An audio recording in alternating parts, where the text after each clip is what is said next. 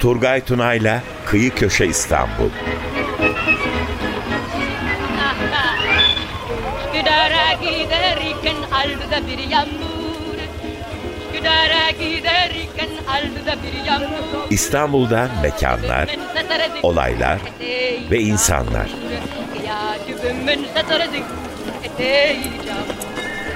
Gece uykudan uyanmış gözleri mamur. Gece uykudan uyanmış gözleri mamur. Ben ben gece karışır ben kolana da gamle yara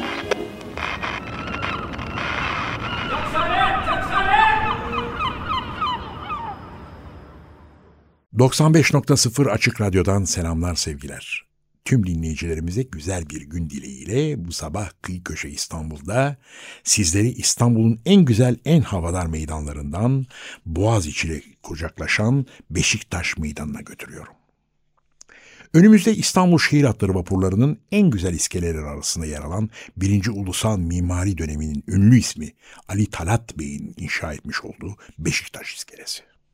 Arkamızda kaptanı Derya Barbaros Hayrettin Paşa'nın türbesi ve sağ tarafımızda da içinde barındırdığı denizcilik tarihimizin tüm zenginliğiyle Deniz Müzesi. Evet, bu sabah Beşiktaş Meydanı'ndayız ve bu meydanda İstanbul'un en güzel ve en anlamlı anıtlarından biri olan Barbaros Hayrettin Paşa'nın anıtı önündeyiz.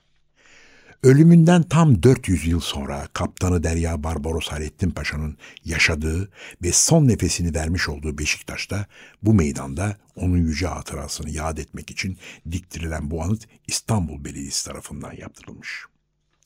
1938 yılında İstanbul Belediyesi bugünkü Beşiktaş Meydanı'nı düzenleyip ortaya çıkarırken türbesinin tam karşısına Barbaros Hayrettin Paşa'nın anıtsal bir heykelin dikilmesine karar veriyor ve dönemin ünlü heykeltıraşlarından Güzel Sanatlar Akademisi modelaj hocaları Zühtü Müridoğlu ile Hadi Bar'a el ele vererek 1941-1943 yılları arasında bu muhteşem anıt heykeli ortaya çıkarıyorlar.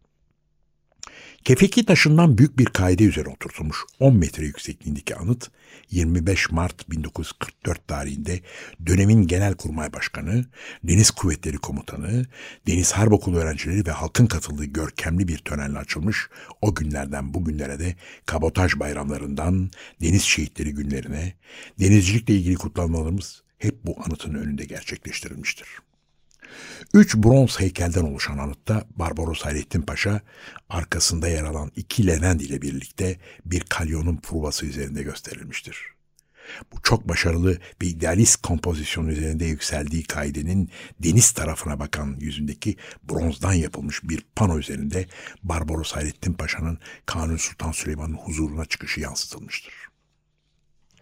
1538 yılının ilk baharında tarihin gelmiş geçmiş en büyük donanmalarından biri oluşturulur.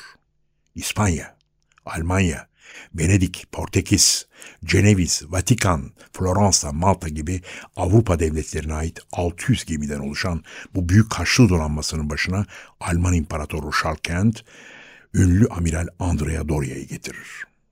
Andrea Doria, 16. yüzyıl Avrupa'sının gelmiş geçmiş en büyük amirali olarak tarihe geçmiştir.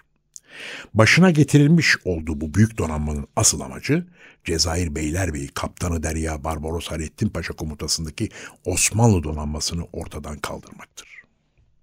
Zira Osmanlı donanması Avrupa ülkeleri için Akdeniz sularında büyük bir tehdit oluşturmaktadır.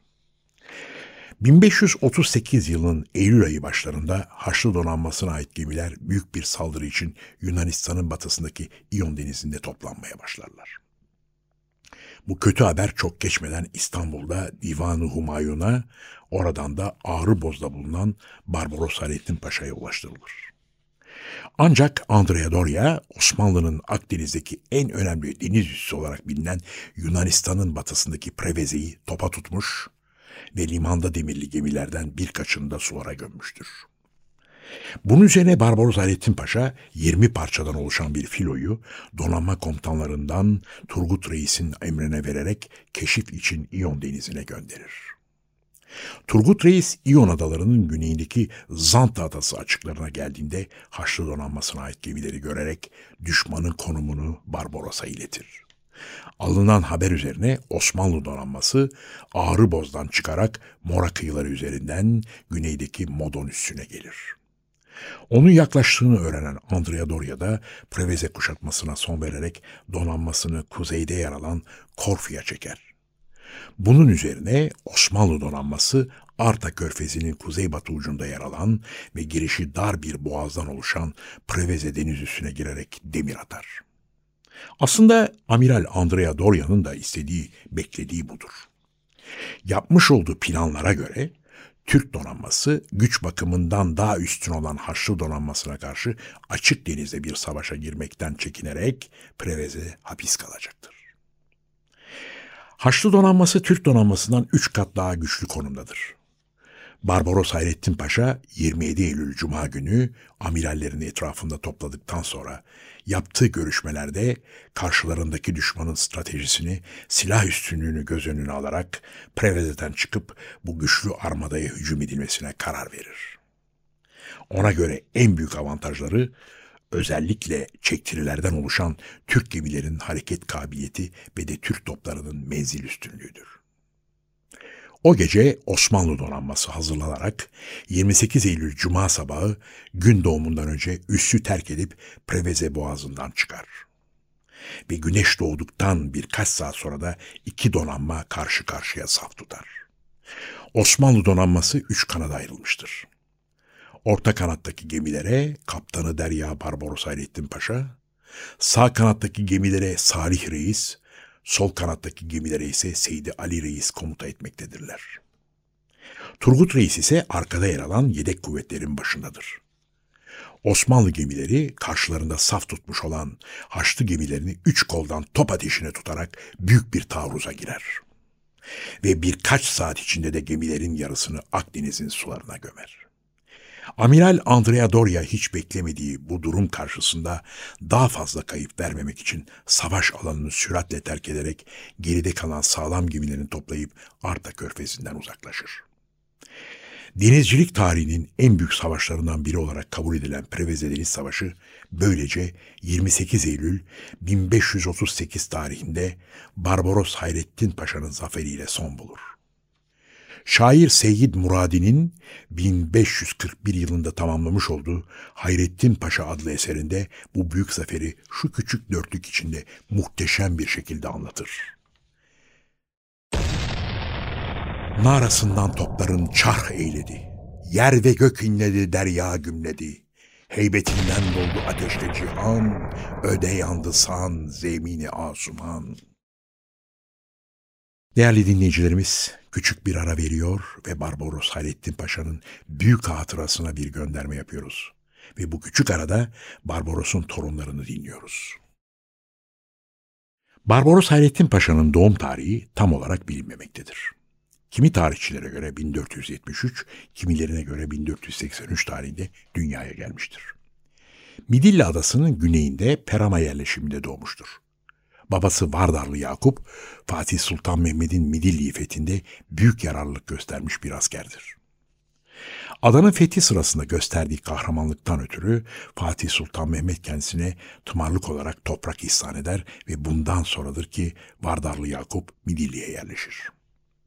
Çok geçmeden de bir Rum kadını sever ve evlenir. Dul bir kadın olan kızıl saçlı güzel Katerina Vardarlı Yakup'a dört evlat verir dört erkek evlat. İshak, Oruç, Hızır ve İlyas. Önceleri deniz ticaretiyle uğraşan kardeşler Akdeniz'de Rodos şövalyeleri ve İspanyolların gösterdikleri düşmanlık ve tepki üzerine deniz ticaretinden ayrılıp korsan olurlar. Kızıl sakal anlamına gelen İtalyanca Barbarossa yakıştırması Hızır Reis'in ağabeyi Kızıl Sakallı Oruç Reis'e verilmiş bir sıfattır. Ancak İspanyollara karşı yapılan bir deniz savaşında Oruç Reis ölünce Kızıl Sakal yani Barbarossa sıfatı Hızır Reis'e verilir. Batılıların Barbarossa adını verdikleri Hızır Reis kısa zamanda Doğu Akdeniz'de İspanyolların, Haçlı denizcilerin korkulu rüyası haline gelir. Filosundaki gemilerin sayısını artırır. Tunus'u Cezayir'i fethedip buralara sahip olur ve Osmanlı Devleti'ne olan bağlılığını ilan eder. Yavuz Sultan Selim kendisine dinin hayırlısı anlamına gelen Hayır Eddin adını verir. Böylece Hızır Reis'in adı Barbaros Hayrettin Paşa olur. Ve gösterdiği kahramanlıklarla, üstün yeteneklerle daha sonra da Kanun Sultan Süleyman tarafından İstanbul'a davet edilir. Barbaros'un dersadete gelişi muhteşem olur. Filosu saray burnuna yaklaşırken top atışlarıyla selamlanır. Çok merak ettikleri bu kahraman denizcinin filosunu görmek için İstanbul halkı Beşiktaş'tan Galata'ya, Üsküdar'dan Kadıköy'üne, Samatya'dan Kumkapı'ya sahilleri doldurmuştur. Büyük bir kortejle saraya gelir. Kanuni'nin huzuruna çıkar ve bu karşılaşmayı Arifi Çelebi çok güzel bir minyatürle ölümsüzleştirir. Bundan böyle Barbaros Hayrettin Paşa Osmanlı Devleti'nin ilk kaptan paşası olur. Onun zamanında Osmanlı donanması Akdeniz'deki en büyük deniz gücü haline dönüşmüştür ki Türk denizciliğindeki köklü yapılanmanın temelleri de onun zamanında atılmıştır. Barbaros Hayrettin Paşa'nın kazanmış olduğu en büyük zaferlerden biri de 70 yaşındayken gerçekleştirdiği son seferi olan Fransa seferidir. 5 Ağustos 1543 tarihinde Fransa'nın güneyindeki Toulon limanında Osmanlı donanmasına katılan Fransız Kraliyet donanmasıyla birlikte Nis kent önlerine gelen Barbaros Hayrettin Paşa, Almanya kralı Şal kentinin elinde bulundurduğu bu kenti ve çevresini başarılı bir kuşatmayla ele geçirip ardından kentin anahtarlarını 20 Ağustos 1543 tarihinde Fransa krallığına teslim etmiş, böylece Fransa'nın güneyini Alman işgalinden kurtarmıştır. Bu olaydan birkaç yüzyıl sonra Fransız Deniz Kuvvetleri'nin en büyük üslerinden birinin yer aldığı Toulon'un belediye başkanlığı sarayına üzerinde Toulon limanında devir atmış Osmanlı donanmasını gösteren görkemli bir tablo asılır. Barbaros'un anısını yaşatan bu resmin alt köşesindeki şiirin son beytinde de şu dizeler yer almıştır. Bu gördüğünüz hepimizin yardımına erişen Barbaros'un ordusudur.'' Ne var ki gelip geçen yıllardan sonra politik nedenlerden ötürü bu görkemli tablo 1930'lu yılların sonlarında yerinden kaldırılmış ve daha sonra da kayıplara karışmıştır. Gelelim biz gene Beşiktaş Meydanı'na. Deniz ile kucaklaşan bu meydan kaptanı Derya Barbaros Hayrettin Paşa ile özleşmiştir. Bir tarafta deniz, bir tarafta Kaptan Paşa'nın türbesi, ortada Barbaros anıtı ve onun arkasında yer alan Deniz Müzesi. Osmanlı döneminde denizcilerin semti olarak bilinen Beşiktaş, donanma gemilerinin bağlandığı, Hayrettin iskelesine ev sahipliği yapıyordu ve bu gemiler sefere çıkmadan önce bir gelenek olarak Beşiktaş önlerinde toplanıyorlardı. Kaptan paşalardan birçoğunun da semti olarak bilinen Beşiktaş, denizcilik tarihinin ünlü ismi Akdeniz Fatihi Barbaros Hayrettin Paşa'nın ikamet etmiş olduğu yerdi. Öldüğünde burada defnedilmiş, büyük dostu Mimar Sinan tarafından da kabrin üzerine şanla layık bir türbe inşa ettirilmiştir. Onun seferden dönüşünü büyük şair Yahya Kemal Beyatlı şu dizelerle destanlaştırır.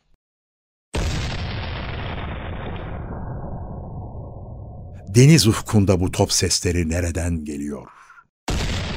Barbaros belki donanmayla seferden geliyor. Adalardan mı, Tunus'tan mı, Cezayir'den mi? Hür ufuklarda donanmış 200 pare gemi, yeni doğmuş aya baktıkları yerden geliyor. O mübarek gemiler hangi seferden geliyor? Değerli dinleyicilerimiz, Kıyı Köşe İstanbul takipçileri bir programımızın sonuna daha gelmiş bulunuyoruz. Bugün dünya tarihinin en büyük deniz savaşlarından biri olan Barbaros Hayrettin Paşa'nın zaferiyle sonuçlanmış Preveze Deniz Savaşı'nın 485. yıl dönümü. Ama pek fazla hatırlanmıyor, pek bilinmiyor. Bugün o büyük savaş ile Barbaros Hayrettin Paşa'yı yad ettik ve Beşiktaş meydanındaki o anıt heykelinden söz ettik. Gelecek Perşembe günü İstanbul'un bir başka kıyısında, bir başka köşesinde buluşmak üzere. Hoşçakalın, esenlikle kalın.